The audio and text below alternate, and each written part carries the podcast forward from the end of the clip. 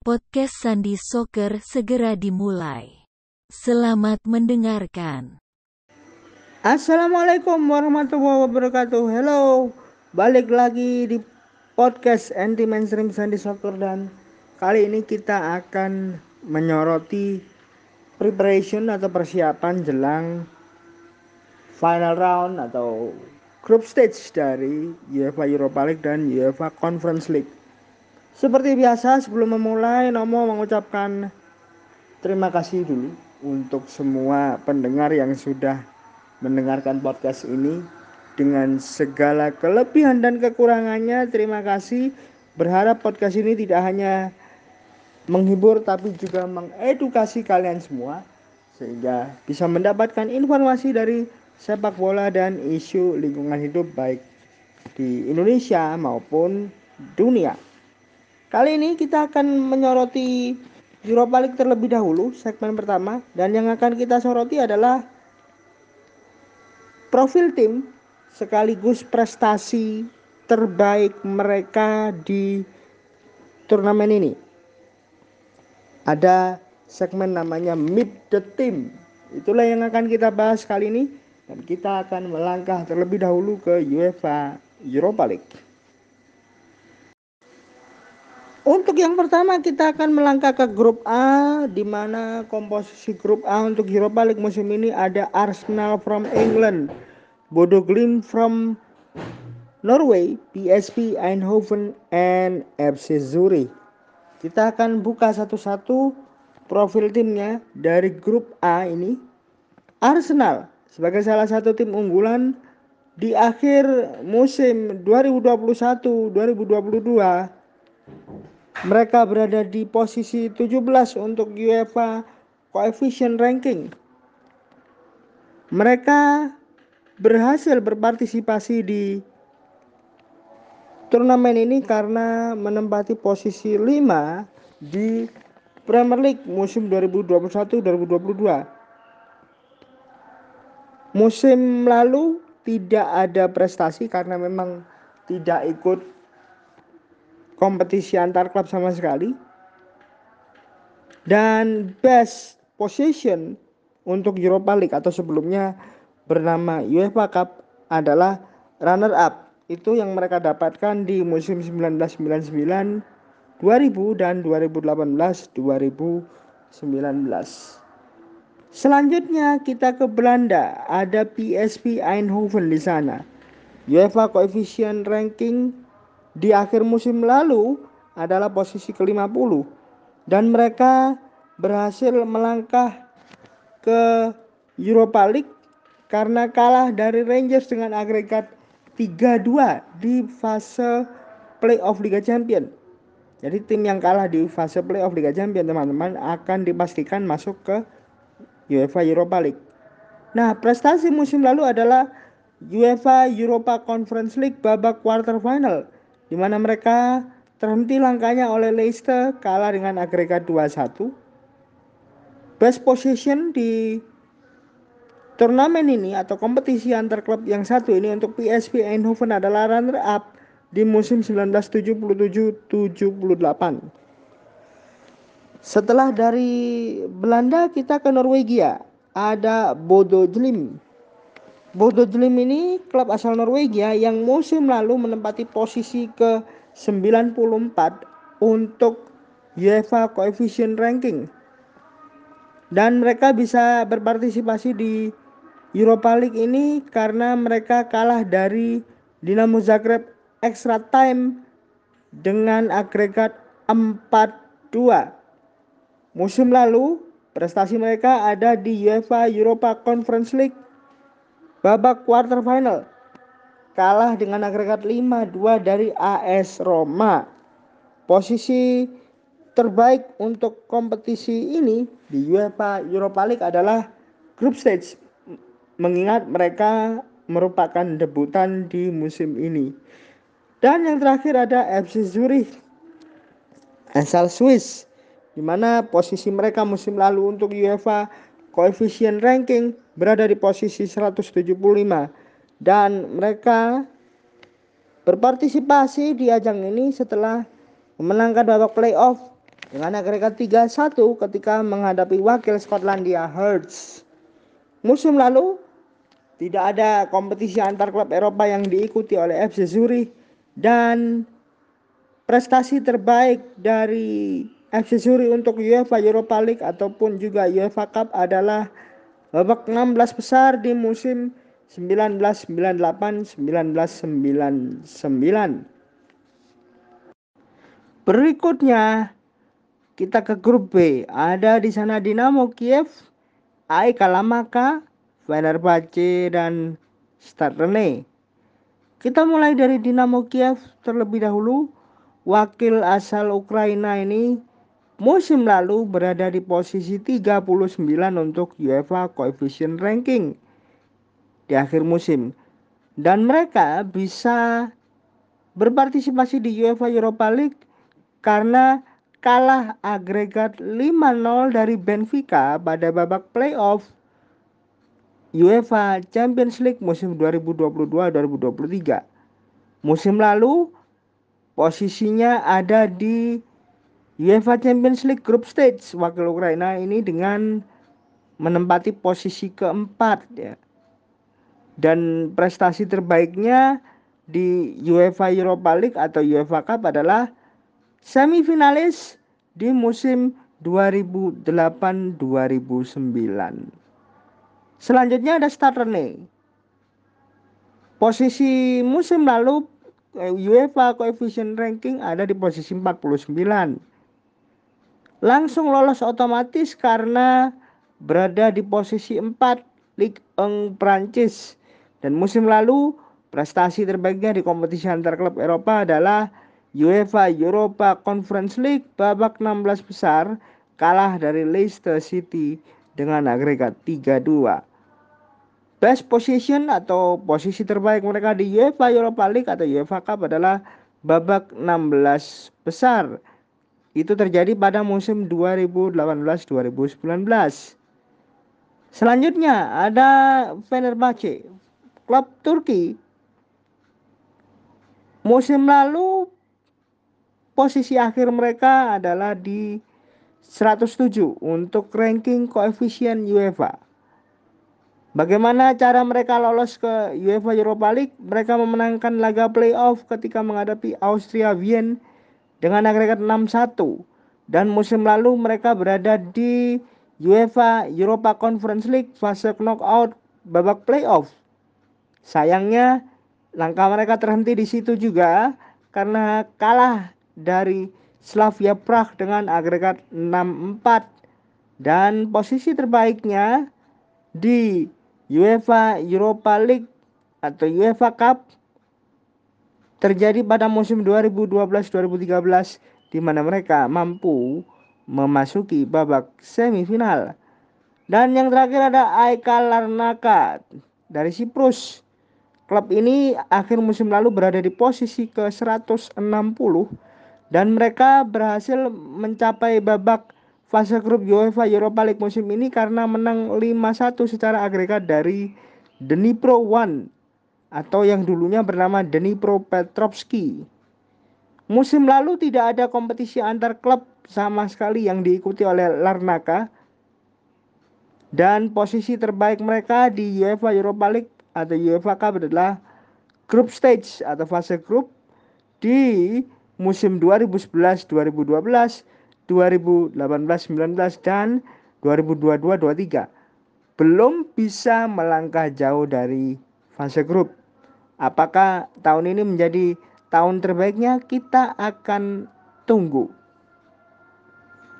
Setelah dari grup B kita ke grup C. Sekarang ada AS Roma, Real Betis, HJK Helsinki dan Ludo Gorets Razgrad. Yang pertama dulu yuk kita soroti. Ada AS Roma. Klub asal ibu kota Italia ini musim lalu berada di posisi 11 UEFA Coefficient Ranking. Dan bagaimana caranya mereka bisa berpartisipasi di UEFA Europa League? Mereka bisa berpartisipasi di sini dan langsung lolos ke fase grup karena mereka berhasil menjadi juara UEFA Europa Conference League dan itu merupakan pencapaian terbaik mereka musim lalu. Mengalahkan Feyenoord di final dengan skor 1-0 di Tirana, Albania. Dan prestasi terbaik dari Serigala Ibu dari Serigala Ibu Kota di UEFA Europa League atau UEFA Cup itu berada di posisi final ya, partai final yang berlangsung pada musim 90-91. Sayangnya mereka gagal dan hanya menempati posisi runner up. Selanjutnya kita ke Bulgaria, ada Ludogorets Ratskar. Posisi 70 untuk UEFA Coefficient Ranking musim lalu di mana mereka bisa berpartisipasi karena berhasil memenangkan pertandingan playoff menghadapi Zalgiris dari Lithuania dengan skor agregat 4-3. Dan musim lalu mereka berada di grup stage ya untuk kompetisi yang sama tapi tidak beranjak dari posisi 4 musim lalu. Dan prestasinya di UEFA Cup atau UEFA Europa League adalah di musim 2013-14 di mana mereka berhasil melangkah ke babak 16 besar. Selanjutnya ada wakil dari Spanyol, Real Betis Sevilla atau Real Betis Balompi. Posisi terakhir musim lalu di UEFA Coefficient Ranking ada di posisi ke-78 dan mereka berhasil melangkah ke Europa League karena berstatus sebagai Copa del Rey winners. Jadi mereka lolos secara otomatis. Dan musim lalu berada di posisi round of 16 kompetisi yang sama kalah dari Eintracht Frankfurt dengan agregat 3-2. Posisi terbaik mereka juga di round of 16 ternyata 16 besar di kompetisi ini di tahun 1998 99 2005 2006 2013 14 dan 2021 2022 Apakah musim ini skuad yang bermarkas di Estadio Benito Villamarin akan mencapai prestasi terbaiknya lebih dari babak 16 besar? We will see. Selanjutnya teman-teman, Nama terakhir di grup ini ada HJK Helsinki, klub asal Finlandia yang menempati posisi 139 UEFA Coefficient Ranking musim lalu. Mereka lolos setelah menang agregat 2-1 dari Silkeborg di babak playoff dan Musim lalu posisi mereka ada di UEFA Europa Conference League posisi ketiga ya teman-teman. Posisi ketiga. Sayangnya itu menjadi posisi akhir dan tidak beranjak dari dari situ di musim lalu dan prestasi terbaiknya prestasi terbaiknya Haji Helsinki di ajang kompetisi antar klub Eropa nomor 2 itu berada di group stage. Ini pernah mereka alami di musim 2014-2015. Setelah dari grup C, kita ke grup D. Grup D di sini ada tim debutan namanya Saint Gilois. Kita akan bedah nanti bagaimana tim debutan yang satu ini ada Braga, ada Malmo, ada Union Berlin juga yang akan bersaing. Kita akan soroti dulu bagaimana Braga, Malmo, dan Union Berlin ya. Braga, Malmo, dan Union Berlin. Kita akan soroti dulu sebelum nantinya kita akan membedah secara khusus bagaimana profil dari Saint Gilois. Braga terlebih dahulu Musim lalu Braga berada di posisi ke-35 untuk UEFA Coefficient Ranking. Dan mereka berada di Europa League karena directly advance karena berstatus sebagai posisi keempat ya di Liga Portugal.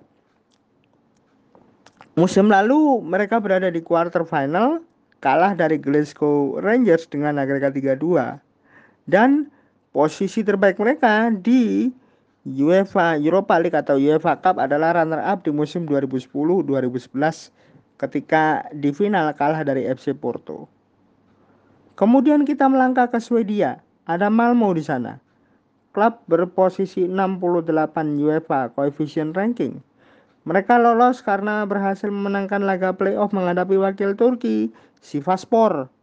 Musim lalu berada di UEFA Champions League Group Stage sayangnya peringkat terakhir dan prestasi terbaik mereka di UEFA Europa League atau UEFA Cup adalah dua kali berada di 32 besar yakni di musim 2018, 2019 dan 2019-20.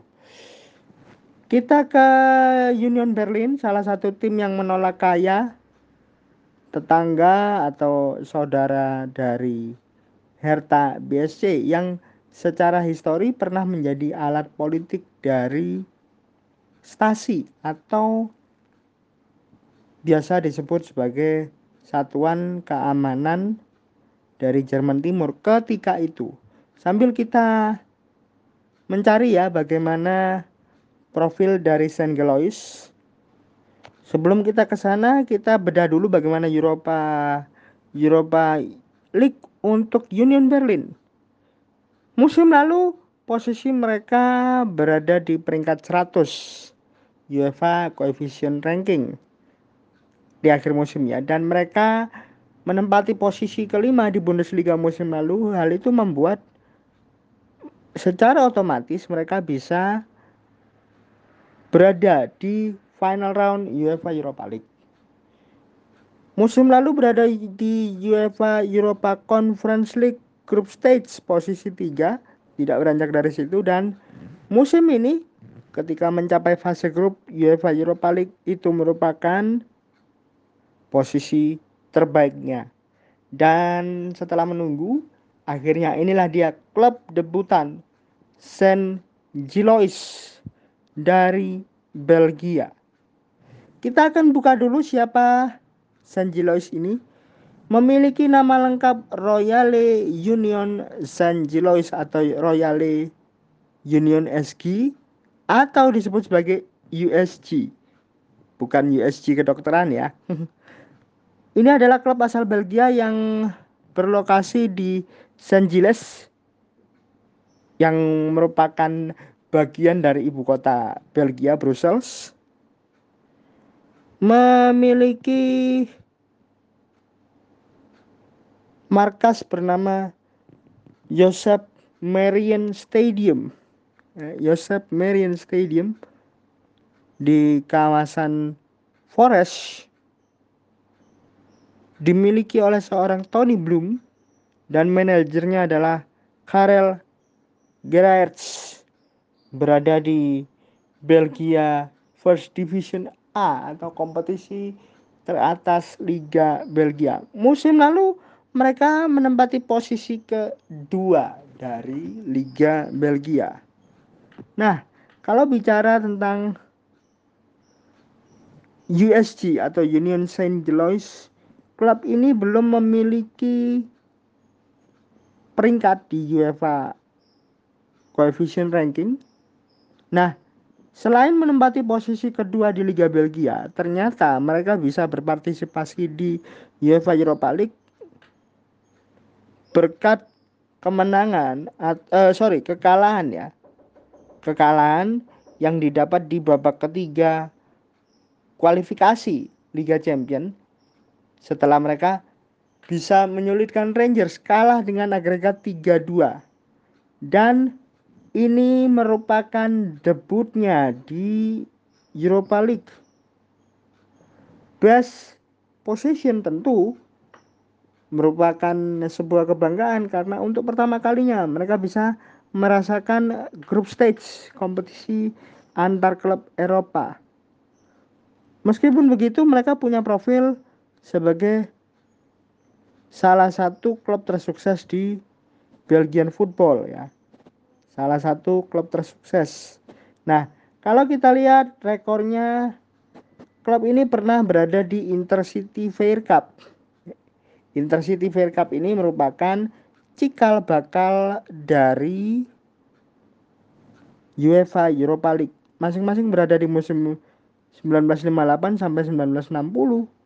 Kemudian 60 61, 62 63, 64 65 dan sempat merasakan yang namanya UEFA Champions League setelah puluhan tahun absen ya.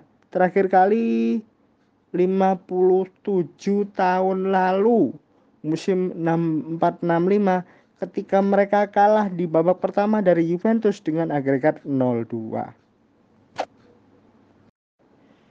Kita melangkah ke grup E sekarang di mana di situ ada Manchester United, Omonia Nicosia, Real Sociedad dan Sheriff Tiraspol. Kita mulai perjalanan di grup E ini dari Manchester United terlebih dahulu di mana mereka musim lalu berada di posisi 10 UEFA Coefficient Ranking posisi yang cukup bagus mereka berada di 10 besar dan mereka berhasil menapaki fase grup Europa League musim ini karena berstatus sebagai peringkat 6 di Premier League musim lalu dan musim musim lalu pun mereka gagal melangkah ke fase berikut dari UEFA Champions League setelah kalah dari Atletico Madrid dengan agregat 2-1. Dan prestasi terbaik dari Manchester United di kompetisi antar klub nomor 2 Eropa ini adalah juara di musim 2016-17 bersama dengan Jose Mourinho setelah mengalahkan Ajax di Swedia ketika itu di French Arena Solna. Selanjutnya ada Real Sociedad. Real Sociedad berada di posisi 62 koefisien Eropa musim lalu. Dan mereka lolos juga karena menempati posisi ke-6 untuk klasemen akhir La Liga musim yang sama 2021-2022. Musim lalu mereka berada di knockout round playoff kompetisi Europa League kalah dari Rasenballsport Leipzig dengan agregat 5-3 dan prestasi terbaiknya di UEFA Europa League adalah quarter final di musim 1988 1989 ketika masih bernama UEFA Cup. Selanjutnya ada Sheriff Tiraspol, tim yang mengejutkan musim lalu bisa mengalahkan Real Madrid di Liga Champions.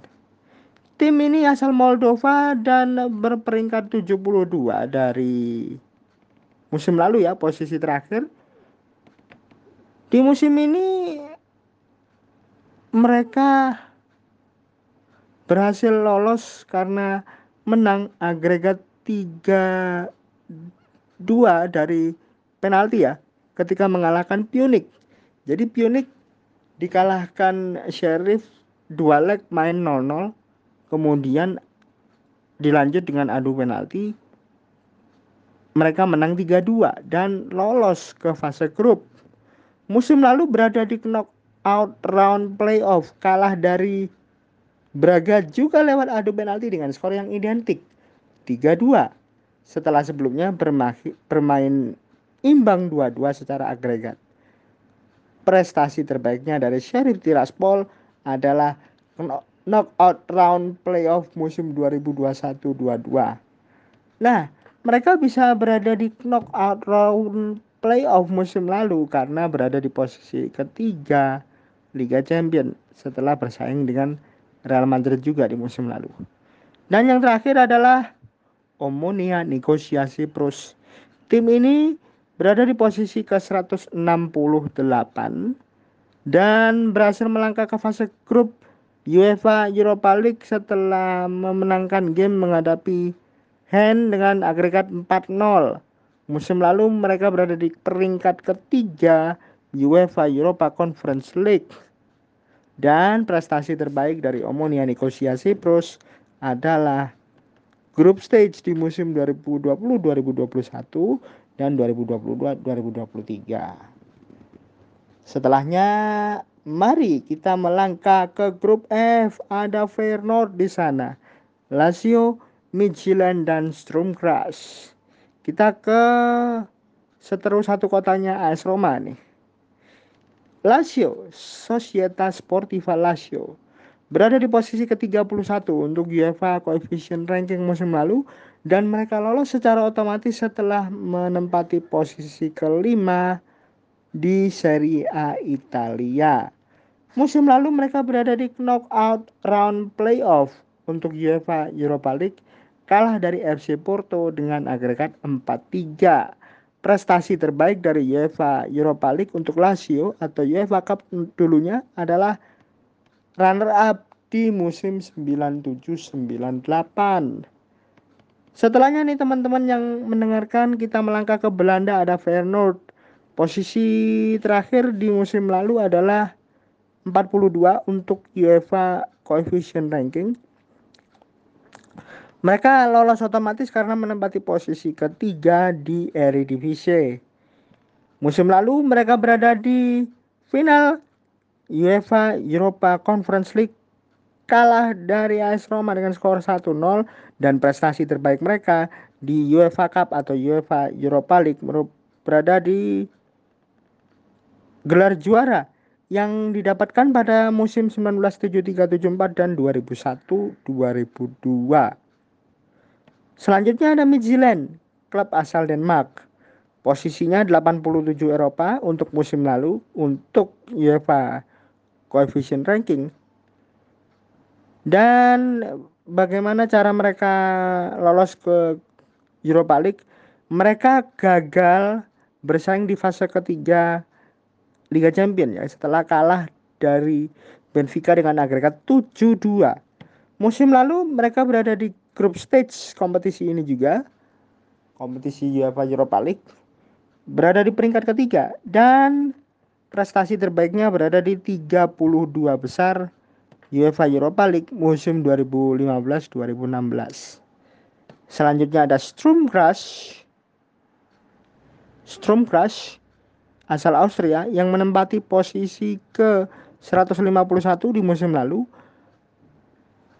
mereka berhasil lolos ke fase grup Europa League karena kalah dari Dinamo Kiev di babak ketiga kualifikasi Liga Champions dengan agregat 3-1 dan musim lalu berada di UEFA Europa Conference League tidak lolos dari fase grup karena mereka menempati posisi keempat. Prestasi terbaik dari Sturm Graz adalah quarter finalis di musim 1983-84. Kita ke grup G sekarang ada Freiburg, ada Nantes, ada Olympiakos, ada Karabakh. Olympiakos dulu kita soroti. Olympiakos dari Yunani berada di posisi ke-40 untuk koefisien Eropa musim lalu. Dan mereka lolos ke fase grup Europa League musim ini setelah memenangkan pertandingan dengan adu penalti menghadapi Apollon Limassol. Musim lalu mereka berada di fase knockout round playoff UEFA Europa League kalah dari Napoli dengan skor 5-1 dan prestasi terbaik dari Olympiakos adalah 16 besar di tahun 2004-2005 2011 2012, 2016 17, 19 20 dan 2020 2021. Selanjutnya ada Karabakh Azerbaijan. Posisi 64 koefisien musim lalu dan di Champions League mereka gagal bersaing di playoff, kalah dari Victoria Pilsen dengan agregat 2-1. Musim lalu berada di UEFA Europa Conference League fase knockout round playoff kalah 6-1 dari Marseille dan best UEFA Cup position adalah group stage di musim 14-15, 15-16, 16-17, 18-19, 19-20, 20-21 dan 2022-23. Freiburg dari Jerman menjadi kontestan berikutnya. Posisi 103 UEFA berada di peringkat 6 Bundesliga musim lalu ini membuatnya lolos secara otomatis atau directly advances menuju UEFA Europa League. Dan musim lalu tidak ada kompetisi antar klub Eropa yang diikuti karena terakhir kali klub asal Jerman ini berada di kompetisi antar klub itu di musim 2017-18 dan best UEFA Europa League atau UEFA Cup position adalah 32 besar di musim 2001-2002. Setelah dari Freiburg kita ke Nantes. Nantes ini lolos secara otomatis karena mereka berstatus sebagai juara Coupe de France ya. juara Coupe de France dan sayangnya di UEFA coefficient ranking mereka belum punya posisi. Nah musim lalu tidak ada kompetisi antar klub Eropa apa pun yang diikuti karena terakhir kali nanti berada di kompetisi antar klub Eropa itu di musim 2001-2002 dan best European second tier atau UEFA Europa League position itu ada di musim 1985-86 dan 1994-95 yakni quarter final. Sekarang kita melangkah ke grup terakhir, grup H ada Serna Svesta, kemudian ada Ferencvaros, AS Monaco dan Trabzonspor. Nama pertama yang akan kita soroti adalah Srena Svesta. Srena Svesta berada di posisi 36 UEFA Coefficient Ranking musim lalu. Dan bagaimana cara mereka lolos ke UEFA Europa League? Mereka berstatus sebagai tim yang gagal bersaing di playoff karena kalah secara agregat dari Maccabi Haifa Israel agregat 5-4 ketika itu.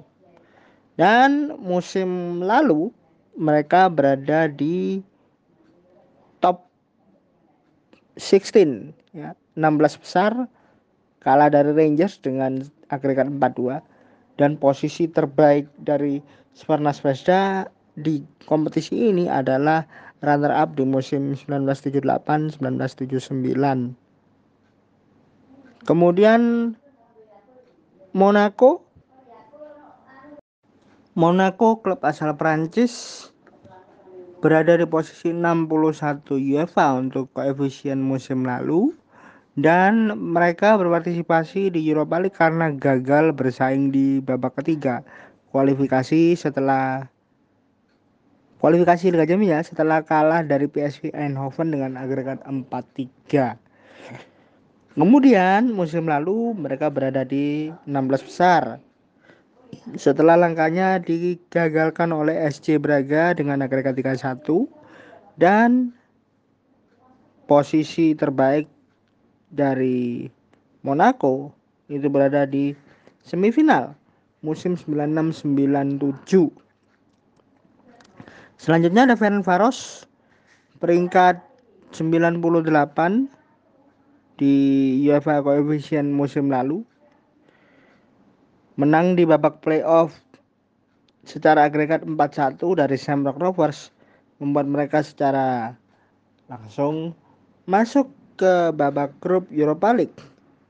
Musim lalu mereka berada di kompetisi ini sayang berada di peringkat keempat dan posisi terbaiknya berada di semifinal musim 71-72 untuk UEFA Europa League atau UEFA Cup.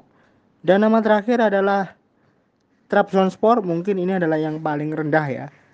Tim paling rendah di kompetisi ini karena posisi rankingnya berada di peringkat 226 musim lalu. Dan mereka berada di sini karena kalah di babak playoff dari Copenhagen dengan agregat 2-1.